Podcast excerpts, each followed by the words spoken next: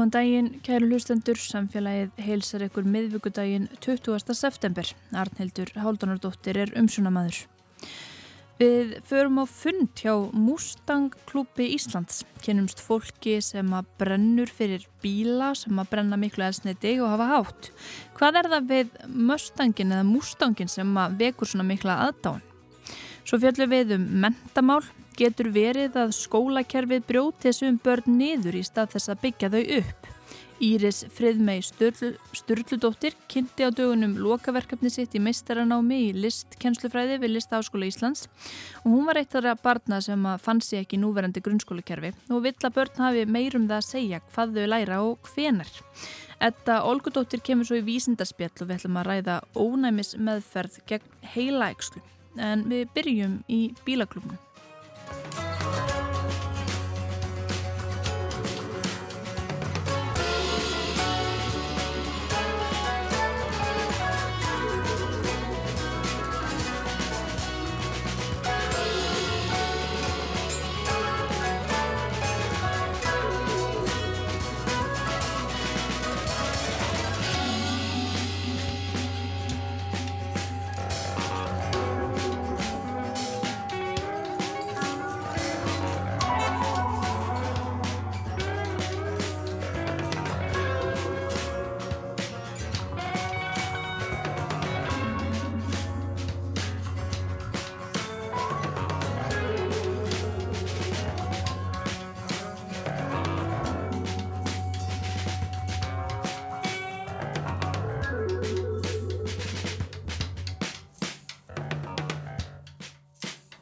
ég er hérna stödd við Perluna. Ég og, og eitt ekki kanína hérna með mér. Og þó að það láti nú ekki mikið yfir sér þá eru hérna á bílastæði aðeins neðan við aðal bílastæðið um það bíl 20 mústang bifriðar og ástríðu fólk sem að já, hefur mikinn áhuga á þeim Heyrðu, ég er nú að leita mér að fórtalömpum hérna. Fórtalömpum, við mælum með konunni. Já, mm. það er um að gera. Já, við verðum henni til hals og trösk og já, sjálfsög. Já, já. Já, það er svolítið klara. Hvað dregur þig að, að, ég veit ekki eins og hvort maður segir Mustang eða Mustang? Já, bæði. Já, bæði. Ég, ég eignast um, minn fyrsta Mustang og einar endar fyrir nýjára síðan og svo sem bara ég verið mjög mikið bílakelling alla tíð og og hérna þetta er bara draumur og svo frétti ég af Íslenska Mustang klubnu fyrir tilviljun og náttúrulega skráði mig í hann og mætti á fund og, og svo er ég búin að vera hérna fyrir norðan og akkurir í sumar. Og það er, er, er, er klubur en það er svona mest fyrir bara fordbíla en það er bara ekkert það er bara ekkert eins og að sjá hérna og vera með Íslenska Mustang klubnu sko. Og það er svo skemmtilegt að fara í samakstur og hitta, hittast og deila svo áhugamál og keira svona í flottri röð alls saman, það er bara gegja það vest að búið að eðilegja miðbæinn sko, bæði í Reykjavík og Akureyri. Það er ekkert hægt að rúnda að ráði lengur. Já, það er ekki hægt að uh, keira í gegnum miðbæinn. Það er kannski svona hápunturinn þegar allir bílarnir keira í röð í gegnum miðbæinn eða gunguguturinn Akureyri.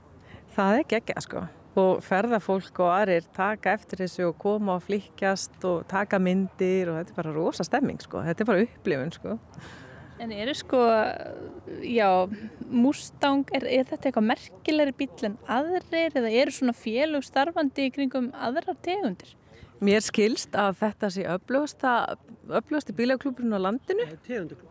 Tegundaklúburinn, Tegund, tegundaklúburinn, já, best að hafa þetta rétt. Þeir verða svo, núna verða þeir reyðir sko. Það má náttúrulega ekki móka, móka neitt. Nei. Það má ekki hallundin neitt, nei, nei. Já, sem tegundaklúbur, já. Þetta er náttúrulega heims eh, fyrirbæri, það er hérna, Mustang Club of America og í fleiri löndum. Já, sjálfsög. Viltu sína mig þinn? Gjóðsög. Er það þessi blái flotti? Blæjubílinn. Þetta er blæjubíl. hvað er svona, hvað hreyfði við þennan? Það var hljóðið og það var því pröfukerðan að finna kraftinn og geta tekið blæjun og niður og fá vindin í hárið. Það er bara, þetta er ósam sko.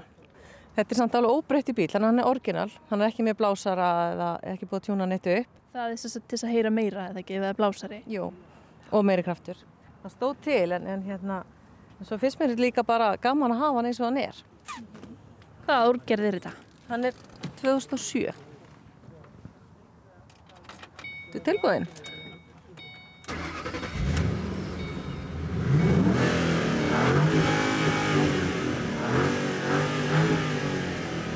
Þetta er alvöru.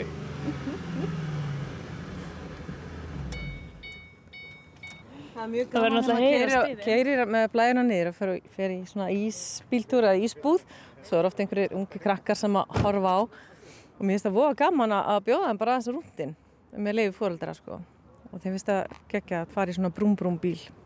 Þetta er brúm brúm bíl.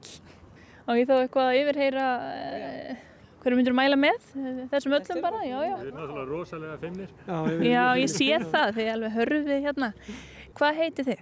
ég heiti Hilmar, þetta er Sigurður. Ég heiti Sigurður. Eh, Viljið segja mér eitthvað um, um ykkar áhuga á Mustang bílum? Já, já, það er sko, Mustang er náttúrulega búin að vera framleitu síðan 1964 og hálft til dagsins dag. 1964 og hálft, þetta er- er hár nákvæm. Nákvæmt, algjörlega. Þannig að, að hérna, við erum búin að vera, við erum meir, meirinn tvívetra sko, þannig að við erum búin að þekka þessa bíla sem við vorum krakkar og, og flestur okkar hafa nú þessa löngunurgla frá bræðurum eða eitthvað eða þau sáum þessa bíla þegar við vorum bara 10-11 ára gamlir og það er enda svolítið í mínu tilfelli. Svo kefti ég mér Mustang þegar ég var 16 ára gammal og ég er 61 árs í dag og ég á þann bíl ennþá. Er það, er það upprunalegi eh, 1964 og hálft? Nei, það er 1966 en sambóti, svona eins og þessi Já, þessi er bara gömlu númerunum, R8966. Já, það er- þetta er ekki hann reyndar en, en, en svo ég á tvo aðra þannig að þetta er nú ekkert svona, svona bæti vissi svona með árónu sko, bílónum Áttu ykkur aðra tegundir eða heldur þið bara við Mustang? e, Nei, bara Mustangvinnan, ekkit annað ha, Það við erum bara með Ford hjarta og það slær náttúrulega alveg fullu þannig að við kaupum ekkert með Mustang sko Þetta er náttúrulega alvöru menni í þessum klúb sko. Það er ekkert skrítið að það er gaman að vera í honum. Nei. Þú sér þið svo, svo klara hérna, hún, hún var hérna fyrir, fyrir helgi að þá, þá að því að hún var fyrir norðan eins og við sagði við og þá vildi hún hitta okkur og það var engin tilbúin að hitta hana fyrir helgi sko og hérna hann, hún vældi út hennar rundt hérna þannig að þess vegna erum við hérna í dag fyrir hana. Já, þetta er allt gert fyrir þig. Já. Er þetta ekki svona mánaðalegir hittingar? Ég þeir hittast nú oftar sko yfir sumartíman sko. En, en hún er ekki alltaf fyrir sunnan. Nei, hún er ekki. Það er það sem er aðalmark. Hún býr á Akureyri og þá náttúrulega notum við tækifæri þegar við fáum aðalkonni heimsókn.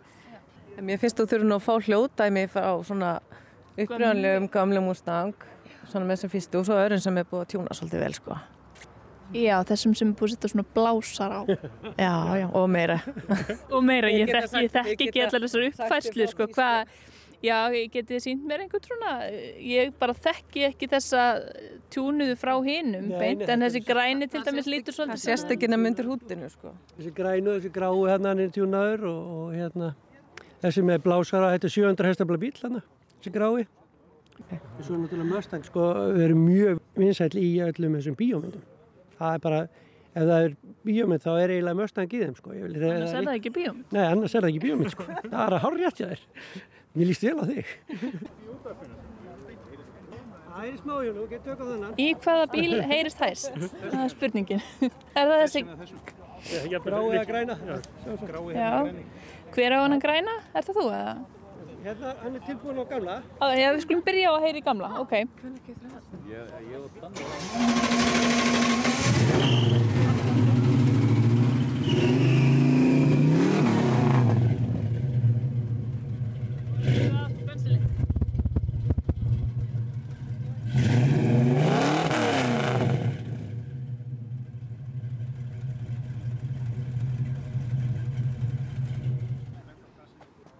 Hvað er þessi gammal?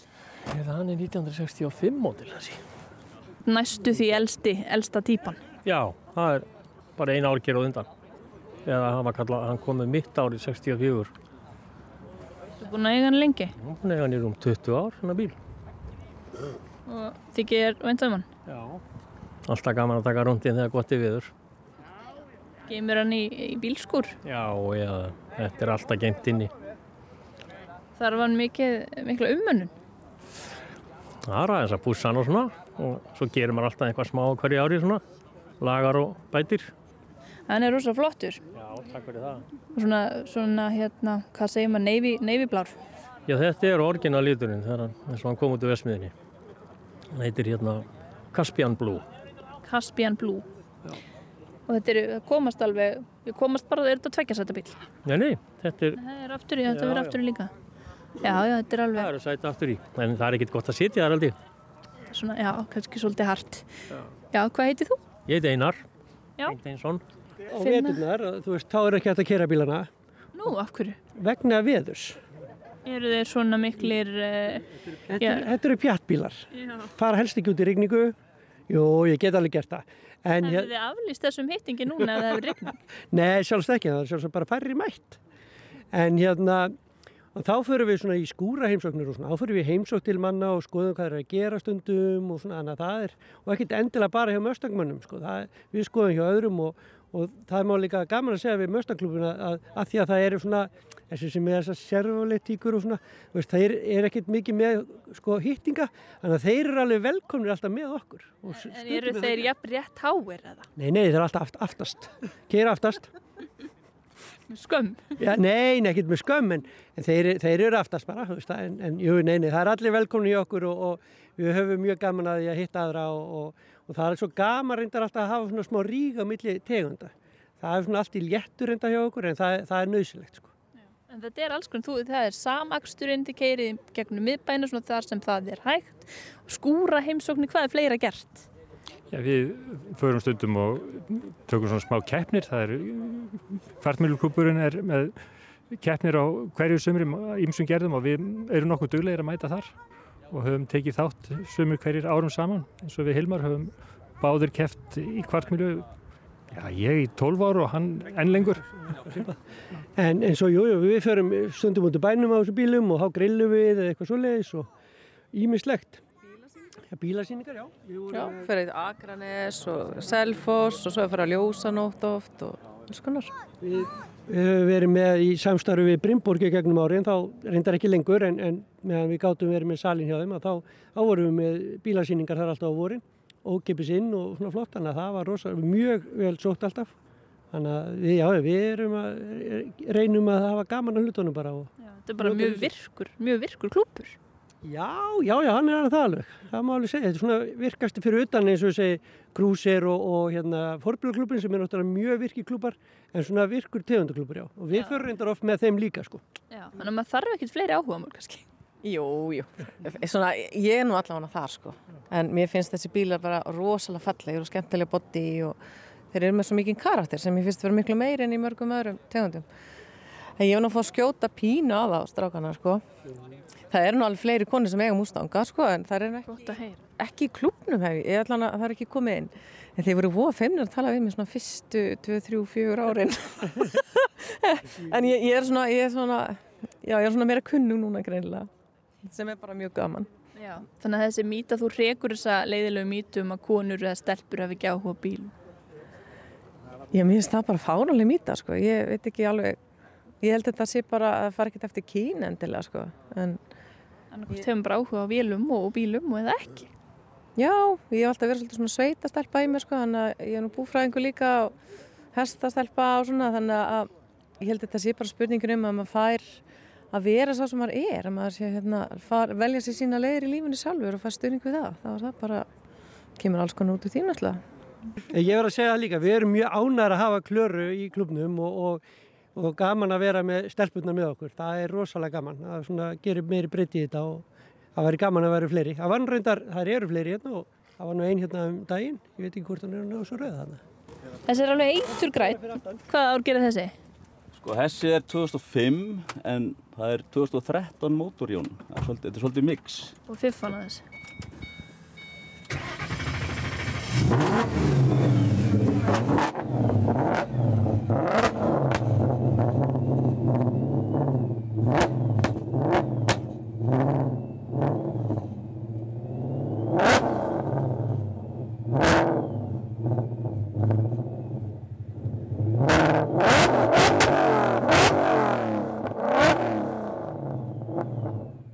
Þetta er, eh, það eru bara sprengingar og læti.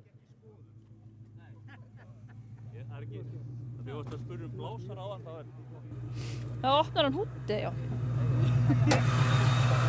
þetta hérna er blásar. já. Hvað gerir blásari? Þetta er svona forþjappa, þetta bara eigur loftflæðið inn á mótorinn og þar með, þar á leðandi meiri kraftur. Það er rosalegt púströr á þessu, náttúrulega tvö púströr. Hvað segir þau? Það eru náttúrulega tvö púströr og rosa breið. Já, já, já, já. Þetta er bara, þetta er bara keppnis. Þetta keppir á þessu. Ekki enn, það verður kannski næst ári. Hvað heitir þú, segir? Ég heiti Hannibal. Hannibal. Hversson. Ólafsson. Takk fyrir þetta. Ekki málið. Já, já, já. Svo, svo bara eftir smáttum, þegar hann feikir upp, það bara pum.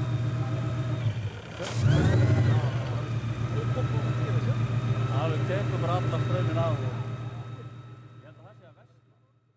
Og er hann svo bara formaðurinn ykkar alltaf að taka myndir og setja síðuna og svona? Ég er þetta, nei, formarinn er ekki hérna. Hann er ekki hérna? Nei. Já, Þetta er, þetta er sko hyrð ljósmyndari bara bílasögu á Íslandi.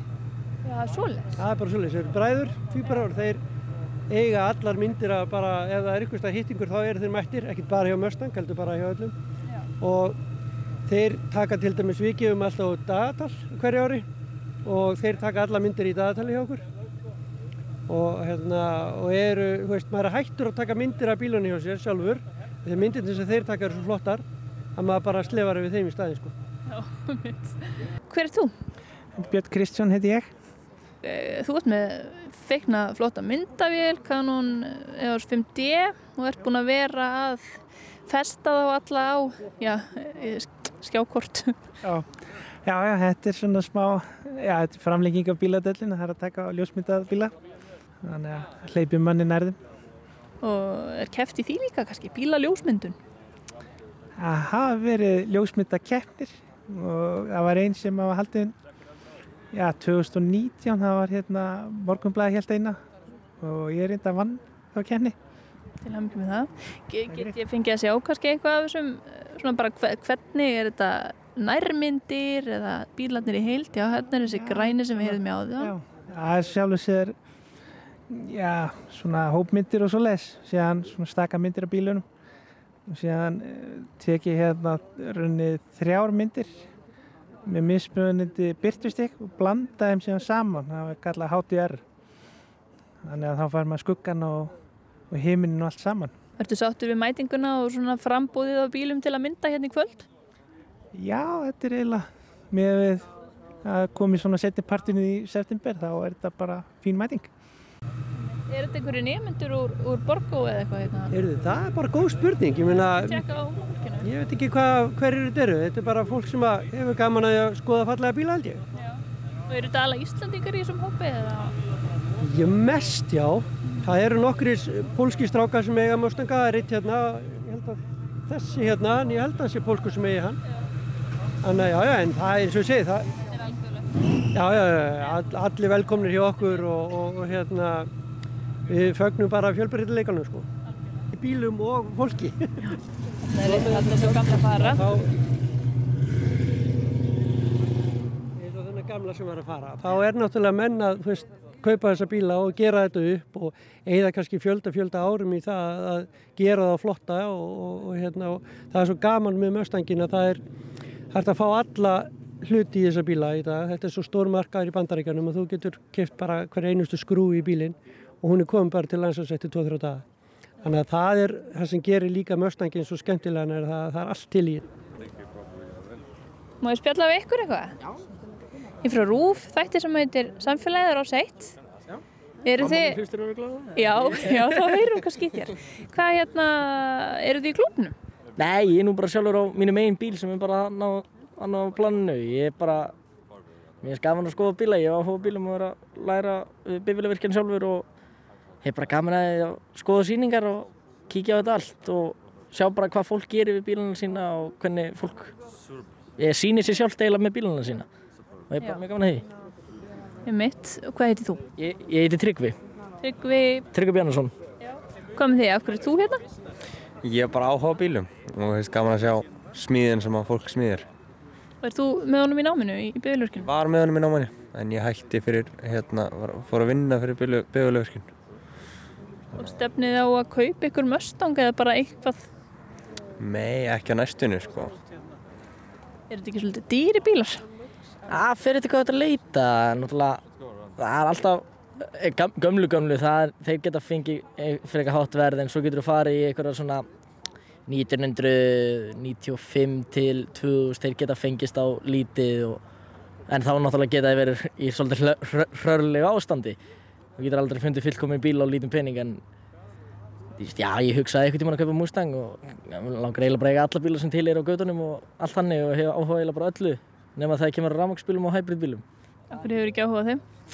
Það er bara svo, það er, bara, það er ekki drama á bakvið það. Það er ekki drama að keira bíl eins og ég, ég á dísilbíl en hann samt að drama að keira bakvið það út að það er, kemur hljóð og það er hljóð og spenna og ég, mann er beinskilt þannig, ég er alltaf að gera eitthvað þegar ég er að keira. Þeir eru of svona auðveldir rámarsbílinir og hybridbílinir. Já, eiginlega, mér finnst þeir óöðvölda, það er bara sest í hann að keira. Þeir hröðun nú hansi, hansi mikil. Hröðun er nú ansi mikil en svo færði ekki dramaði við að sitast undir stýri og gamle Mustang og sitast undir stýri á nýri Tesla. Þú fær ekki skemmtunum baka það. Er þú líka eh, svona ekkert spenntu fyrir þessum rámarsbílum? Nei, ekki mikill áhuga að þeim sko. Alls ekki. Svo simpul eitthvað. Hvað heitir þú? Ég heiti Ólfur Örn. Mér finnst alltaf gaman að keira. Að opna pústaðins í honum, skiptur og... Við segjum oft, sko, eh, við þessi sem erum núna á rúmlega 60, sko, við segjum svona segjumsta kynsluðum sem að sem að er svona í amerísku bílunum. Þannig að við erum alltaf rosalega ánar þegar við sjáum unga stráka á möstangum eða einhverju svona koma hérna til okkar. Og ég veit að það er ungu strangur á þessum. Þannig að við erum alltaf æðislega já, við erum alltaf rosalega ánar með það að, að fá unga fólki með okkur líka. Svo er, svo er félagi okkar tökja en að bara svipaðum aldrei við hann á S, eða New Edge Mustang rauðan sem hann er að bara taka þetta tætlur og setja blásar á og gera mikið öflagari og fara í spyrna á. Svo er annar félagi okkar með alveg eins bíl, eða SN95 minni mig, við erum í að keppa í spyrna á honum. Bara búin að erfa, af pappa sínum, hann er sjálfur í- að keppa í spyrninu og öllu því. Það er kannski leiðin maður þarf að erfa bílan eða þess að þetta er svona bara... Hann beint erfði, er, erfði ekki bílinn, hann bara, hann erfði að áhuga á Mustangum, pappan sér á kameró í spurninni, sko, þannig að hann fór á Mustangin til að vera svona, monta sér aðeins. Já, svona kynnslóða munur, er að kannski ykkar svona- meira... er, er, eru eldra fólk meira svona í möstagnum af því að við ólist bara upp við þetta. En þeir Þegar þið voru piltar, þá þið þetta út á göttunum nákvæmlega, vá þetta er geggja. Já, en þeir eru í, í, í annari deild, þannig að En er ekki komin rámaksmústang? Er einhver á, á rámaksmústang hér? Það er, það er, það, við kallum hann Mac E, já, það er, sem að, það er ekki Mustang sko, en þetta var mjög sniðut hjá Ford að gera þetta þegar þeir fá umræðuna, þú veist að því að allir brjálar, allir Mustang-menn eru brjálar út í, út í Ma- um, Mustang Mac E, þetta á náttúrulega að heita bara Mac E en ekki Mustang, en þeir fengu umræðuna og þannig auðlisaður held í bílinn sko, mjög vel, af því að þeir eru náttúrulega með þetta legend nafn sem er búið að vera til síðan 1964 og koma það með, þú veist, ykkur, þetta er eiginlega eins mikið skömmu að getur orðið að kalla þetta Mustang sko, og ekkert skilt við Mustang í fyrsta lega þetta svona alveg jeppalaga sko, Já, já. þess Mustang þarf að hafa ákveðið svona ákveðin, ákveðina lögun? Það er fastback, það er fastback lúkið og helst vaffáttamótor. þú setur ekki, setur ekki ramasmótor í Mustang, það er bara, gerir maður ekki, það er bara skam. Ég hugsaði það sama frá því hann kom út. Já, einhverju á vantarlega kiptan. Já, já, já, já, já, það er búið að selja hér líka þessu bílum, en sérðu engan hér? Nei, þið, þið eruð ekki markkópurum verist vera. Sko. Nei. Nei. En er þetta ekki rándýrst að keira þessa bíla? Þegar nú er sko svo sem kostnaðin við það að eiga og reyka bílinn og hækka samkvæmt fjóla frumvarpinu og, og svo er, er þetta, drekkur þetta ekki ansi, ansi vel af, af bensínu? Ég get svarað þessu kannski. Sko, ég sé alltaf, ég spurði að eyðir þessi bíl ekki alveg rosalega. Þannig ég sé alltaf, veist, þetta eyðir svona eins og jaris á áskrundulli. Að við keirum þessa bíla bara á sumrin, en við setjum svo lítið bensin á það, þannig að þeir eyða bara eins og jaris. En það þarf að eiga annan bíl í snatti þá eða á vetuna. Já, já, já, við, þeir eru ekkit ógislega góður snjór þessir, þannig að, nei, já, en jú, jú, þeir eyða öllu sem er sett á það og, og, og en við grátum það ekkert. Bensinkostnaðan er náttúrulega meiri núna, maður þú vill nú með þessa gæðing ekki setja neitt annað 98 áttana sko, það kostar næstu bara ja, 384 krónur lítirinn. Þið viljið kannski 60 ekki þetta sem er búið að þinna út með Nei takk. Það er hættulegt fyrir það. Þá ætla ég bara að fara að hýpja mig. Þakk ykkur fyrir Við erum öllum. Verið bless. Bless, bless. Takk fyrir að lósa mig um, sína mér þetta allt saman. Takk hérlega fyrir. Þið voru að segja að þið voru svo ánægð með hvað þú varst inn í þessu hlutum og spurðir flotta og, og annað sko. Já, já, maður mað kann, að, eh, kann að þykjast. ég veit ekki um þessa bíla, sko. Ég veit aðeins meira núna, en það er bara skemmtilegt. Þannig að ég kannski skráð mig í klubin, sjáum til. Þú er bara að mæta á. Ég veit að bíl fyrir þig.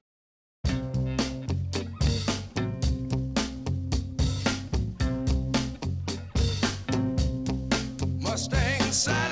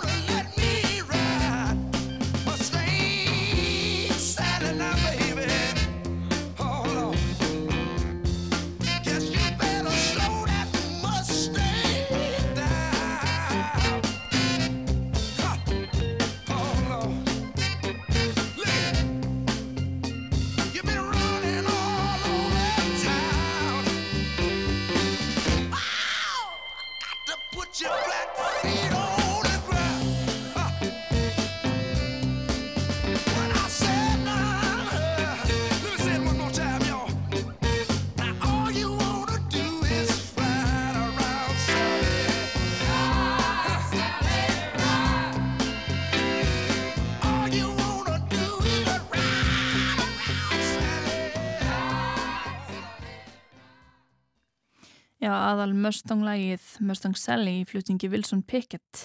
En að allt öðru í draumaskólanum spyr enginn má ég fara. Frelsi til að anda, spyrja og uppgöta. Þetta er yfirskrift mistarverkefnis Írisar Friðmegar Sturldudóttur sem hún kynnti í vikunni. Og hún myndi vilja sjá breytingar á skólikerfinu og við rættum við hana um hennar sín. Ég heiti Íris Friðmeg Sturldóttir og var núna útskrifast úr listkjænslufræði frá Listaháskóli Íslands og var að klára lokaverkefni mitt. Og um hvað snýðist það? Það var kannski ekki alveg hefðbundið eh, lokaverkefni, það var ekki, ekki reytgerð?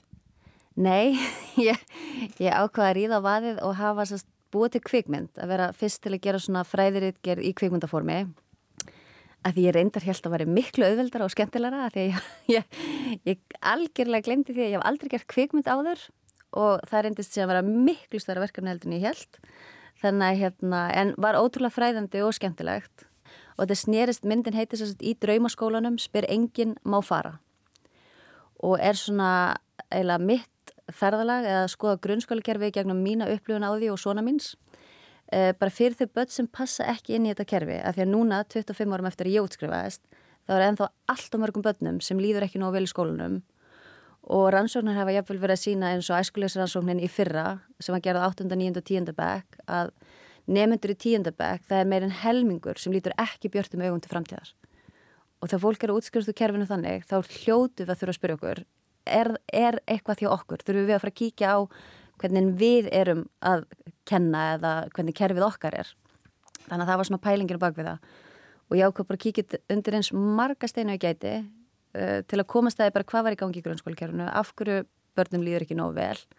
Og, og eiginlega með það mark með að skoða hvort að meira frelsi og val í náminu geti fengið fleiri til að öðlast trúa eigin getu og fá sterkari sjálfsmynd og bara líða vel og hafa gaman í skólanum og langa að vera í skólanum. Langa að vera vingur, bara, ó, má ég vera einu myndu lengur, má ég vera tvær myndu lengur, ekki alltaf vera að horfa klukkun og vera bara eitthvað, má ég fara, má ég fara, að þegar í skóla, þar sem fólk er að spurja, má fara, það er skóli sem fer að stórum hluta í byð og það er ótrúlega sorglegt að stór hluta lífið barnan okkar fer í að býða, að býða eftir eitthvað sem búið, í staðin fyrir að vera bara að njóta hér og nú. Já, mér finnst þetta góðu því að þetta tekum maður svolítið bara aftur í tíman, maður er bara sestur uh, inn í kjenslustund þessi spurning var íðulega búin fram, má ég fara? Þetta, þetta næri þessu svolítið vel Já, það gerir það. Og sonu minn var einhvern veginn að upplifa þetta kerfi svolítið, þú veist, hann, hann finnst ekki gaman í skólunum og það þarf maður stundum að hugsa sig bara við sem samfélag, þú veist, hver er tilgangu mentunar, eða þú veist, hvað er hlutverk skólans, þú veist, erum við að sinna því? Að því að kannski er ekkert mikilvægast að við lærum svo og svo mikla starfræði, kannski bara miklu mikilvægara hvernig einstaklingurinn útskrifast úr kerfinu er hann hamingjusamur, líður honum vel, veit hann, þú veist, styrkleika sinna og veikleika, þú veist, hvert hann stefnir? Og það er kannski meira það sem maður ætti að vera einblina á því að það þurfa ekki allir að læra kannski endilega sama. Þannig tala um svo kallega silki hanska forræðsegju. Það er alveg ákveðt falli hugssjón að ef allir skólanir eru eins og við sem öll að læra sama þá sé ákveð jafnbretti En þá spyr ég myndinni, hvernig getur það verið jafnrétti að ef við erum með sérst faggreina skóla með áhersla hefðbunda bók, bóklegar námskrinnar, hvernig getur það verið jafnrétti fyrir einstaklingu sem mig sem er miklu sterkar í höndunum og nýtur sín miklu betur í verklegum greinum eins og smíðum eða myndmenda eða keramík eins og einhver sem er kannski sterkur í starfræði? Og hvað verður um krakkana kannski sem eru góð í skíðamennsku eða einhver sem er ekki einu svona innan, innan skólakerfisins? Þannig að áhugin ætti meira að stýra því í rauninni hvað krakkarnir læra í skólanum. Frekar hann að horfa á þetta þannig að þau þurfi hérna, svona stóran skamt af starffræði, verða að klára hann, svo svona stóran skamt af íslensku. Já, í rauninni að því að hugsa út að áhugið sem kemur að innan, hann, hann kemur þér ansi langt og, og bara kennslan er því svo miklu, miklu minni fyrirhöfn og bara, þú veist, það er það allt miklu auðveldar og námi skemmtilegra og við þurfum líka að hugsa minna ADHD-bönn, ef við tölum um það, það var alltaf að vera að tala um ADHD og aukna greiningar og með farsældalugunum sem voru að koma, þau þrýfast alveg vel og geta alveg lært ef þau eru að læra það sem þau hafa áhuga á. Við þurfum ekki allt, þú veist, ég er ekkert mótið því að, að fólk fái greiningar að fara á liv, en við þurfum samt ekkert alltaf að vera að livja bönnin svo þau geti lært eins og við teljum að þau eigi að geta lært. Sumir eru bara ekkert tilbúinir til að læra að lesa kannski sex ára og langa bara að vera út að klifra í trjám og það á það bara að vera allt í lægi því við getum alltaf kent börnum að læra að lesa en við getum ekki alltaf kent í að líða vel eða félagsfærni eða bara, þú veist, vera hamingisum. Er einhver staðar í heiminum sem þessi nálgun sem þú lýsir hefur verið prófið?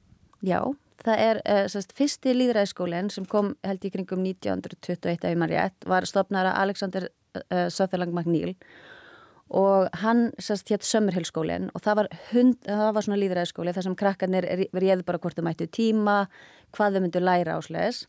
Uh, Sáskóli er í Englandi, síðan var stopnaður Södbury skólanir og ég held að það hefur kringum 1968 og þeir eru núna komnir yfir 60 talsins í heiminum og þar ráða börnin frá því bara mæta í skólan 6 ára öllu. Eh, þau ráða hvað kennari ráðan á næsta ári með svo kallar líðræðislu kostningum, þau ráða hvort þau mæti tíma, hvað þau læra. Og ég tala við nefnda, íslenska nefnda sem var þyrfrandi söttbúri nefndi, hann hafi verið sérst í skólanum í ár.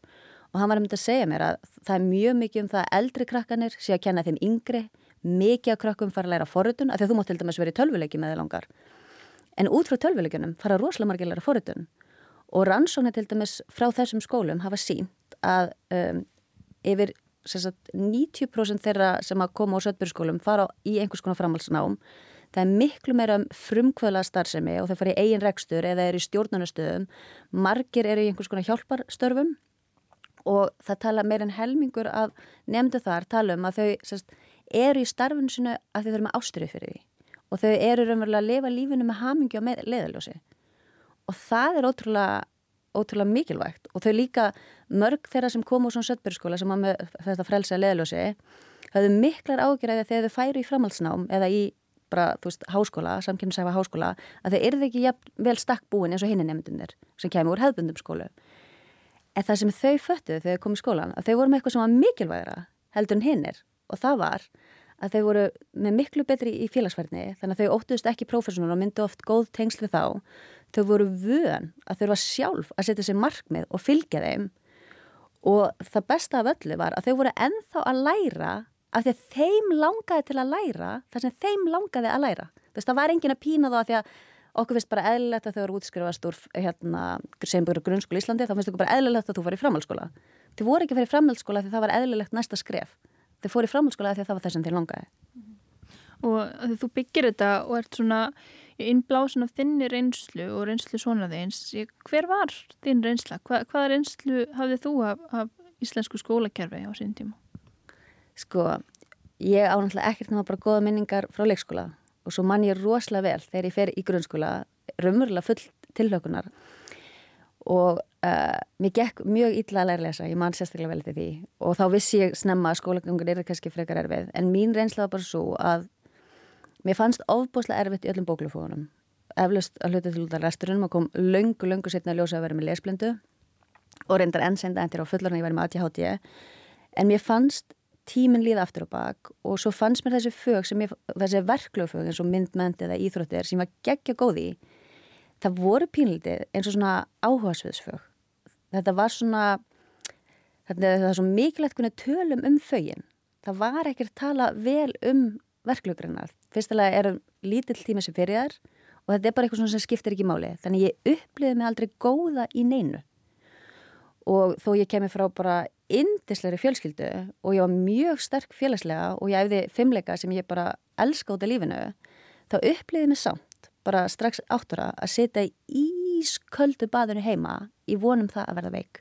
Svo ég þyrti ekki að mæti skóla mér, leið eins og ég væri í einhvers konar fangilsi og þetta hljóma kannski dramatíst en En þegar þú ert kannski orðin 10-11 ára og þeir langar ekki að vera til, þeir langar bara hennilega að deyja og samt er allt annað í lífinu gott, þá er, þá er eitthvað að, það er eitthvað að kerfinu og við höldum ofta krakkar sem annarkvort eru með skólaforðun eða jafnvel taka eigið líf. Þá höldum við rosalega oft að þau komið frá annarkvort brotnum heimilum, hafi verið lögði einildi, eiginga vini, við kennum einhverjum öðrum um, einhverjum kerfis aðstæðum í staðan fyrir að líta þess, þú veist, í eigin barm og kannski er þetta ekki veist, aðstæðana þeirra heldur kerfið sem að þau eru í sem er að valda þessari vanlíðan. Þannig að fyrir suma nefndur þá geti skólinn ekki verið eitthvað sem byggir upp heldur bara brítu niður. Sengut allavega rannsónir sem ég tók og ég talaði um marga sérfrænga og ég held líka viðbyrði það sem að bara almenningur fekk að koma og taka þátt í umræðum þá var það eiginlega samhljóma áleitt flestra að skóli gæti oft á tíðum verið hreinlega mannskjamandi fyrir þau sem passa ekki nýra mann. Eða komið út með mjög brotna sjálfsmynd. Og sálfræðingar hafa jafnvel talað um að sjálfsmynd sem brotnar snemma það er rosalega erfitt að leiðrætta það þurftunum fullorðin. Af því þessi rödd sem er alltaf að segja við eitthvað þú ert ekki nákvæð, þú ert umulega allir er að komast að þið, þú getur þetta ekki. Hún er alltaf þannig á bakvið þó þú viti betur, þá er hún samt alltaf eitthvað að gjamma Þarna náttúrulega sem að röttin sem svo fylgjum mann í rauninni gegnum lífið er að mótast og svona að segja sín fyrstu orð kannski þegar maður er svona ungur. Nákvæmlega og það er svona svo ótrúlega mikilvægt að við séum öll að vinna með okkar styrkleika og áhersfið og það er umverulega okkar réttur nú þegar samkvæmt grunnskólalögunum en það er bara því miður ekki alltaf verið að gera það. Og við erum alls ekkit með einstaklingsmyndi nám eins og við segjum að við séum með. Ég get bara nefnt nærdæmi að strákurum minn uh, þegar hann byrjaði sex ára bæk, hann var alls ekki tilbúin til að læra að lesa. Ég, ég bað skólan hvort við getum beði með lesturinn en það var ekki hægt af því að það eru svo kallar lesamælga sem við þurfum að fylgja og, og það þarf að gera, þú veist, það þarf að lesa þetta kortur á dag og allt þetta. Annars farið bara hreinlega batnavend heim til þín. Þannig ég þurfti að fylgja þessu og í dag á ég þá í staðin bat sem hatar lestur. Þannig við getum sagt að hann hafi fengið neikvægt mentandi reynslu af því að þegar þú far neikvægt mentandi reynslu það kannski veldur því að setna meir mun hann ekki lesa þú veist, allt sem hann hefði annars lesið ef hann hefði bara fengið að gera á sínum tíma elskaðlega að lesa, þú veist, hann er að verða af einhverjar mentun setna meir. Og það er, það þurfum við svolítið að passa upp á því það getur verið hættulegt. Því þá kannski fer fólk ekki að læra það sem því langar til að læra eða lesa um það sem langar til að læra setna meir af því að það er þegar orðið ansnúin einhverju En er sko þróunin ekki svolítið í þess átt? Því nú var og er held í þetta verkefni gangi til dæmis í Vestmannegjum skólunum þar, þar sem að krakkanir eru svolítið að elda sinn áhuga. Og það er þessi áhersla á uh, einstaklings með að náma allavega í orði og verða að breyta engunagjöfunni þannig að þessi frekar að horfa til svona færni þátt að frekar en bara engunabilnu 0 upp í 10 þannig að ég er sko það sem þú lýsir er svona kannski svolítið uh, lengra komið eða, eða ólíkar en, en er, er við að fara í þess áttsamt? Kveikjumnistan í Vestmannum er frábært verkefni og ég tala að Hermundur kemur meðal annars fram í myndinni sem ég gerði. Uh, ég og Hermundur er alveg sammála um og ég er alveg sammála Hermundur, það væri frábært ef í draumaskólanum þá myndi kannski krakkar fá ráða í það minnsta 60% að náminu sinu og 40% væri kannski einhvers konar skilda sem kemur okkur saman um. Um þannig að, jú, það er verið að gera góða hluti eins og í Vestmannum og það er að koma vel út en það er bara eitt verkefni og það var náttúrulega frábært að það myndi translæsleiði. Pointi mitt er alltaf samt að sama að ef við erum mismunandi eins og við erum mörg og það er alltaf verið að segja það, við erum mismunandi sem einstaklingar þá hljótu við átt okkur af því að það þurfa að vera mismunandi leiðir til að mentast og bara fjölbreytir og ólíkir skólar Þú veist, það sem, að, það sem að ef þú sem fóreldri trúir á frelsi, þá getur þú valið að setja barnið til einhvers konar frelsiskóla. Eða ef þú trúir á bara hérna faggreina kerfið eins og þeir núna, þá máttu líka senda það þanga og það er líka í lægi. Þannig að það er bara í lægi að við mentumst alls konar. Erum við þá að hugsa um svona engavæðingu og, og mikinn mun á milli skóla og kannski engan svona sameigilan kjarnar sem öll börn þurfa að, að læra? Ég held að raunhæft sé að að, að gera meira eins og kveikjum nestan að, að við getum kannski koma okkur saman með einhvern grunn sem væri kannski segjum 30-40% af náminu og restin væri áhuga svið. Auðvitað væri frábært ef við getum leift alls konar gerðar að skólum.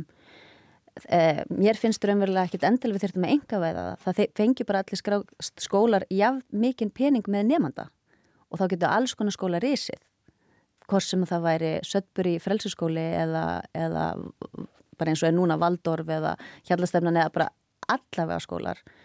Gallin er sá að eins og staðan er í dag, þá eru þrýr skólar í hverjunu hjá sinni mínum, en þeir eru allir eins. Ég hef ekkert val og fólk segi þá, en hvað verður þá um þetta jafnbretti? Og það er rætt við að, að fólk segi ekki fá jaft. Við erum ekki að fá jaft nú þegar að því að krakkar sem eru sterkir í bóklumgreinum ganga betur í núverandi skóla. Krakkar sem eru sterkir í höndunum eða í verklumgreinum eru ekki að ganga jafn vel. Þannig að þetta er þegar ekki jaft hvort sem er. Uh, sumi myndu kannski segja uh, verða börnin ekki bara óalandi og óferjandi eða þau að fá að ráða öllu eða ekki eftir að ofmetnast Uh, er ekki mótlæti gott og það þurfa stundum að láta sér leiðast og gera eitthvað leiðilegt? Hvað segir við, við svoleiðis mótrökum við þessari hugmynd? Ég er alveg samanlegar. Bött þurfa að leiðast og þau þurfa að vera mótvind. En málega bara að þegar þú ert að vinna eftir þínu áhuga sviði og þú ert að gera þitt verkefni þá myndi verða fyrir miklu mótvind hvort sem er. Ég ger þessa mynd og þótt að það væri mitt verkefni ég hefði áhugað í við hjálpi mér komið langa að gefast upp á tímbili. En að því að innri áhugin kom frá mér þá barðist ég hver, gegnum hverja þrautin og fætur annari að því að, að því að þetta kom frá mér en hins vegar ef þú hefði verið að pína mig til að gera það þá hefði ég kannski gefist upp fyrr og það er það sem sagt til dæmis eins og í þessum söttböruskólum að krakkarnir eru alveg gríðarlega þrautseg að því að þau settu sér markmiðið og þau eru að berjast í gegnum eitthvað og þau eru líka að læra að þeim mistekst rosalega oft þau setja sér markmið og náðum ekki þannig að þau eru að læra svo mikið gegnum mistökin mikið að skólanum okkar refsar meira fyrir mistök heldur en það er að, er að klappa fyrir þeim í rauninni. Þú veist, við fáum vittlust að prófi með kannski, þú veist, þú ert að gera stafsynning og kennari leiðir þetta með rauðum penna. Ég meina, ef það er ekki refsing, þá veit ég ekki hvað. Í staðin fyrir bara að leifa krökkunum svolítið að finna út úr þessu og, og mistakast sjálf og læra þannig af reynslunni. Uh, og ég held að jafnvel þótt að þau veru sjálf að velja, þá verður mótletið nóg til að þau læri, læri þetta að komast í gegnum það og hvað var það að vera óalandi uh, þetta er eitt af því sem að þegar ég las sömurheilbókina sem að er fyrst í líðræðskólinn þá talaði nefndum það að fólk heldur oft að frelsi er það sama og bara tömlisi það er alls ekki tannig og krakkar, krakkar eru miklu klárar en við höldum mögulega eru krakkar mikið bara, ég veit ekki við, við tölum um þessu löt í dag eða mikið símánum eða mikið gera þetta kannski er að hluta til að þeim hreinlega bara veist, leiðist í skólanum. Það er ekkert sem ykkur kannski áhugaðara. Kannski eru margi krakkar sem eru bara að vita að það er eitthvað skemmtilega þann úti sem þið gæti verið að gera sem væri skemmtilega heldur en það sem er að gerast í skólanum. Og eins og Jón Torfi sagði sín tala við, hann sagði það er ekki það að, sko það var allir gott að því að læra lestur eða starfræði en það þurfaðis kannski ekki allir. Það er kannski einhver nefandi í starfræði sem hefði meira gott að því að læra söng eða, eða hljóðfæraleg. Þannig ég bara segja að ég, ég held að það er því einmitt öfugt að með meira frelsi og meira vali þá myndi það koma okkur á óvart hversu mikið krakkarnir er þau drífandi, duglegri og þrautsegari og fleiri myndi spyrja hvort þið mætti vera lengur. Lókin bara, ertu með einhver áform, ætlaðu þú að stopna svona söttberi skóla hér eða eitthvað þess að þetta er? Draumurinn væri eflust að stopna minn eigin skóla, já, en, en ekki þar sem ég segi börnum landsins hvað þau eru að læra, þóttu að mér finnst að það er fullt sem að mér finnst að þau eru að læra, þá finnst mér bara enginn að ég hefa rétt á því að segja þér 100% hvað þú átt að læra. Það sem er hins vegar mjög aftrandi í skólakefninu í dag er svo gott viðmjönunastundutabla og hún segir öllum grunnskólum landsins hversu mikil tími á að fara í hvert fag sem dæmi þá á 18,08% að fara í íslensku. Valið er innan við 10% hjá börnunum okkar og skólinn ráðstafar oftast megnunu ef ekki öllu af þessu vali í svo kallar sæluvikur eða einhvers konar skemmtidaga sem mörg börn hafa ekki einu svona áhuga á en það er búið að taka hins og að barninu þrátt fyrir að grunnskólalögin segi að þú eigir hafa áhrif á það sem þú lærir frá upphafi. Þannig að það er kannski eitthvað verðt að skoða. Umhugsunar efni. Takk kærlega fyrir spjallið Íris Freðmi. Who knows how long I've loved you know I love you still.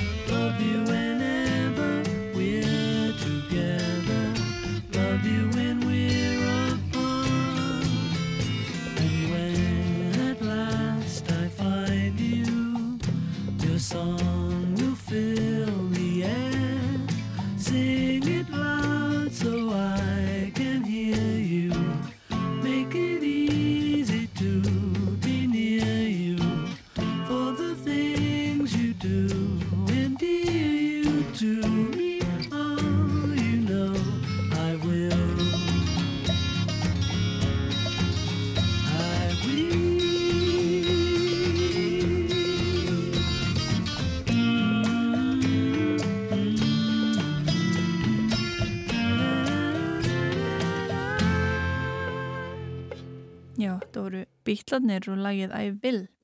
En nú er hún Edda Olgudóttir komin hingað í vísindarspjallið sem er alltaf miðugutum og við ætlum að ræða hvernig hægt er að virkja ónæmiskerfið til að ráðast gegn heilaægslu. Já, nákvæmlega. Forsagan af þessu er kannski svo að hérna árið 2018 og þá voru veitt uh, Nobelsverlun í lagnisfræði til mann sem að heiti Jim Allison, hann er hérna frá Texas í bandaríkunum og hefur sem sagt eitt sinni æfi í að rannsaka það hvernig er hægt að virkja ónæmiskerfi til þess að ráðast gegn krabbameinum. Og í dag eru sem sagt aðferði sem hann er búin að þróa og hans rannsóknateimi, það er náttúrulega engin einn sem að gera svona, uh, þær eru notaðar í hennum ímsu krabbameins meðferðum og það sem að hann var að skoða sérstaklega eru tvö prótín sem að heita CLTA4 og svo PT1 og bæði þessi prótín koma við sögu við þroskun á T-frumum og hérna bara á mismunandi stöðum í þroskanum. PT1 kemur fram aðeins setna í þroska T-frumana og CLTA4 kemur hérna fram aðeins fyrr og það sem að þau gera er að þau svona um, hindra svolítið virkni T-frumuna af því að T-frumunar koma að þeir koma að síktum frumum eða, eða veikluðum frumum og geta þær og taka þær úr umferð. Eru svona hluti af ónæmiskerfinu? Já og þær eru einmitt hluti af ónæmiskerfinu, nákvæmlega. Og frumunar sem að eru síktar eða eitthvað veiklaðar að þær merkja síkt og flagga sig og segja bara, heyrðu, ég, hérna, ég er eitthvað lasinn, það þarf að taka mig úr umferð og þá koma þessar T-frumur að og nota þessi prótín meðal annars til að lesa umhverfið og skinja hvað þarf að gera. Og í hérna þessi, þessi prótín fyrir ekki, ég er hérna nú ég aðeins að ruggla, þessi prótín nefnilega þau bremsa það af, þessi prótín passa upp á að tífrömmunan verði ekki ofvirkar, þannig að í krabbamenns meðferðum að þá er stundum gefin hindri á þessi prótín þannig að tífrömmunan verði virkari og, og skinji betur hvað er að gerast og hvaða frumur eru hérna veiklaðar eða bæklaðar af því að krabbamennsfrumur þær eru sko bestar í keppninni þær hæfustur lifa af og það er þess vegna sem við þólum þær ekki. Vegna þess að þær eru ógæstlega flinkar að lifa af. Og þær snúa til dæmis á ónæmiskerfið sem að vinnur með okkur við að venda okkur gegn krabbameinum af því að ónæmiskerfið er alltaf að, skema og skoða og tekka hvort það sé eitthvað sem þarf að hreinsa upp og laga. Að krabbameinsfrumur bæði sko geta svona farið fram hjá ferlum ónæmiskerfisins og líka bara stoppa það að frumurnar sé að merkja sig. Þannig að þarna eru við í raun og veru bara að taka um, eðlilegan hluta af líkamannum og endurvirkjan og, og hérna gera hann að, aðeins sterkari til að geta ráðist gegn krabbameinum. Og þessi, þessi sem sagt tvö prótín er það sem að Jim Allison var svona upphaflega að skoða og svo þegar að hérna fórum yfir í klíniska rannsóknir þá hefur prótíni sem að heiti PT1 orðið svolítið ofan á. Og það er sem sagt prótíni sem kemur fram þegar að tjefurumurnar eru komnar aðeins lengra í þroska. Og ástæðan fyrir því að það var ofan á er bæði vegna þess að það kannski sínir betri svörun í fleiri krabbameinum en líka vegna þess að það sínir minni svona hérna meini aukaverkanir. Og CLT að fjórir að það hefur svona svolítið farið bara á hilluna. Og í gegnum þetta ferli þá hafa bæði prótínin verið prófuð eða hindrar á bæði prótínin verið prófuð á margskonar krabbamenn og eitt af þeim, prótín, nei, eitt af þeim hérna, krabbamennum sem hefur verið prófað er í mitt heilaæksli eða glioblastoma sem eru ægsli sem að koma fyrir í heila og eru oft bara, það er mjög erfitt að, að meðhandla þessi ægsli og hérna Er það ekki skurðtæk? Eða... Stundum er þau skurðtæk en stundum ekki. Og þá einmitt þegar þau eru ekki skurðtæk og erfitt að koma, það er mjög erfitt að koma livjum yfir í heilan vegna þess að við erum með það sem heitir blóð heila skilju sem er svona himna sem passar að fara ekkert hvað sem er hérna yfir. og það gerir það líka erfitt fyrir og þannig að það er svona alls konar þættir sem að, sem að uh, leggjast saman og verða til þess að heila ægsli eru oft mjög erfið. Og fyrir utan það að þau eru náttúrulega í vef sem er mjög viðkvæmur. Þannig að, að hérna, ægslinn þurfa ekkit að verða mjög stór til þess að hafa bara svolítið afgerandi áhrif. En nú var sem sagt um, hópur við Salk Institute í bandarækjunum að prófa tvö, þessa tvo hindra á uh, mís sem að voru með semst heilaægsli og þau ákveða að sko af því að þegar við erum fyrst að skoða þessi hérna hvernig við virkjum ónæmiskerfið þá var bara svolítið verða að nota þetta í klíniskum rannsóknum á alvöru krabbaminsjúklingum sem kannski höfðu ekki mikið hérna áttu kannski ekki marga, marga önnur úrræði eftir. Og, og hérna og nú er þau svolítið svona að bakka aftur og prófa hvernig er hægt að finna kannski sértækari aðferðir gegn glíoblastóma eða heilaægslum. Þannig að þau prófa þessi, þessa hindra CLT, á CLT4 og PT1 í músum og byrja bara að skoða er munur á lifun ef við gefum hindra á CLT4 eða við hérna, gefum hindra á PT1 og þau sjá að lifun músana hún er miklu betri hjá þeim sem að fá CLT4 heldur en PT1 og það er einmitt hérna hindrin sem að hefur svolítið fallið í skuggan í, í hérna í áframhaldandi klíniskum rannsóknum á mönnum Þessi sem var komin á hillinu. Já, var svolítið komið á hillinu nefnilega vegna þess að það síndi ákveðin svona aukaverkanir sem við vildum kannski ekki vera að, að setja, uh, leggja á krabbamennsjóklinga.